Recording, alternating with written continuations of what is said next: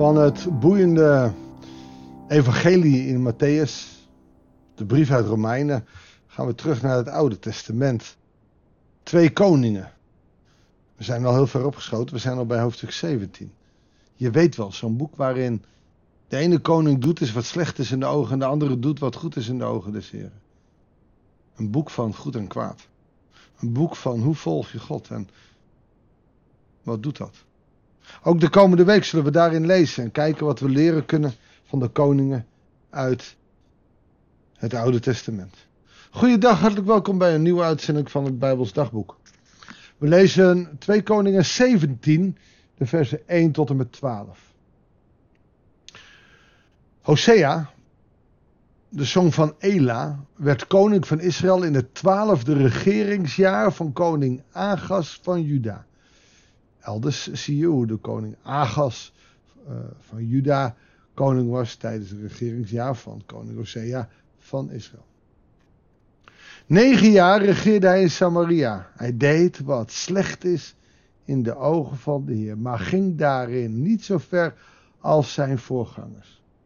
En dan is het interessant om te vragen: oké, en wat betekent dat? Als het niet zo erg was als dat van zijn voorouders. Zou er dan ook meer genade zijn? Eigenlijk is dat dezelfde vraag als: wat is erger? Het stelen van een dropje of het stelen van een auto? Als je daar het gebod gij zult niet stelen op legt, is het allebei er.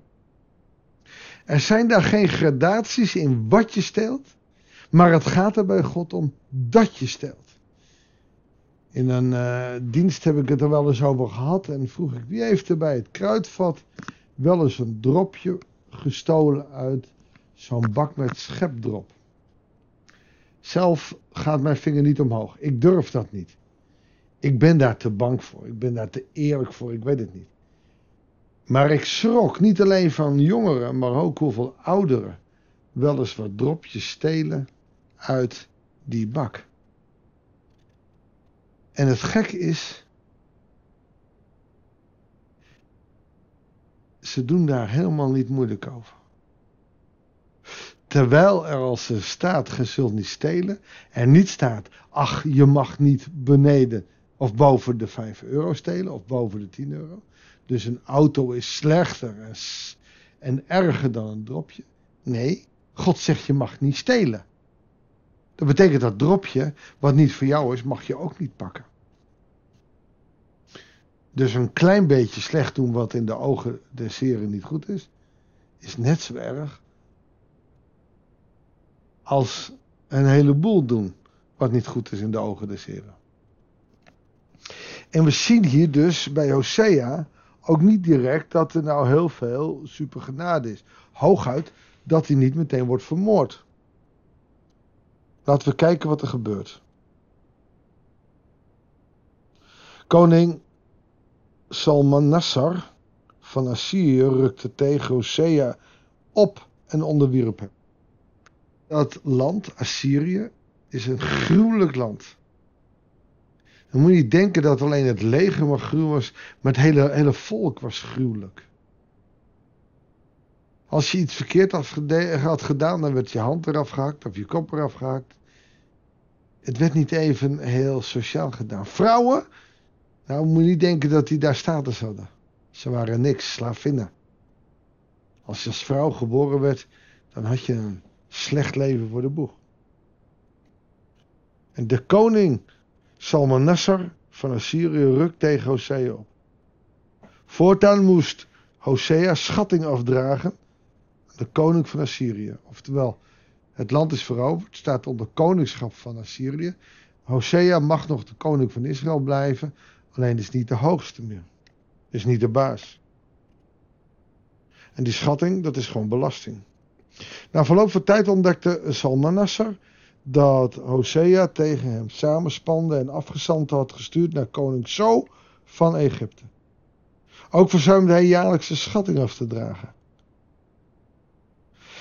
Daarom liet de koning van Assyrië Hosea in de boeien slaan en in de gevangenis opsluiten.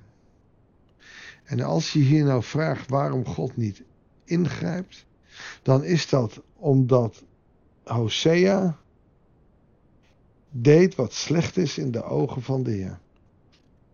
Hij stond niet in relatie met God. Hij deed wat slecht was, het tegenovergestelde zelfs. God kan dan niet zegenen. En dan ben je vervloekt. Dat merkt Hosea hier. In het negende regeringsjaar van, van Hosea nam koning van Assyrië Samaria in en voerde de Israëlieten als ballingen mee naar Assyrië. Sommigen wees hij een woonplaats aan in Galach, anderen aan de rivier de Gabor in Gozan, en weer anderen in de steden van Medië.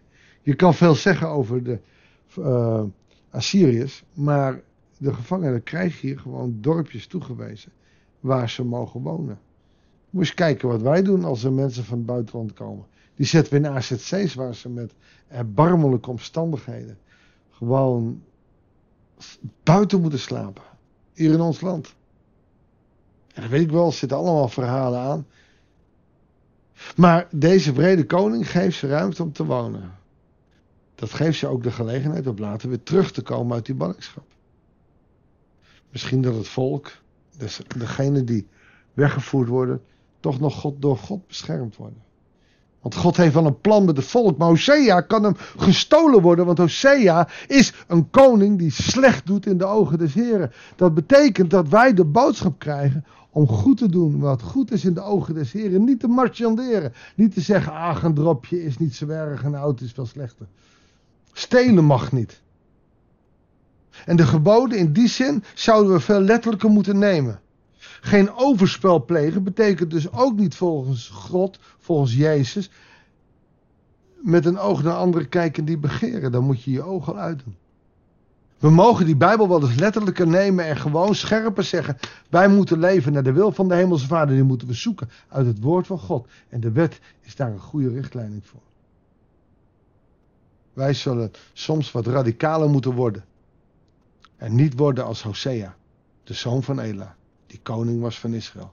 In het twaalfde regeringsjaar van koning Agas van Juda.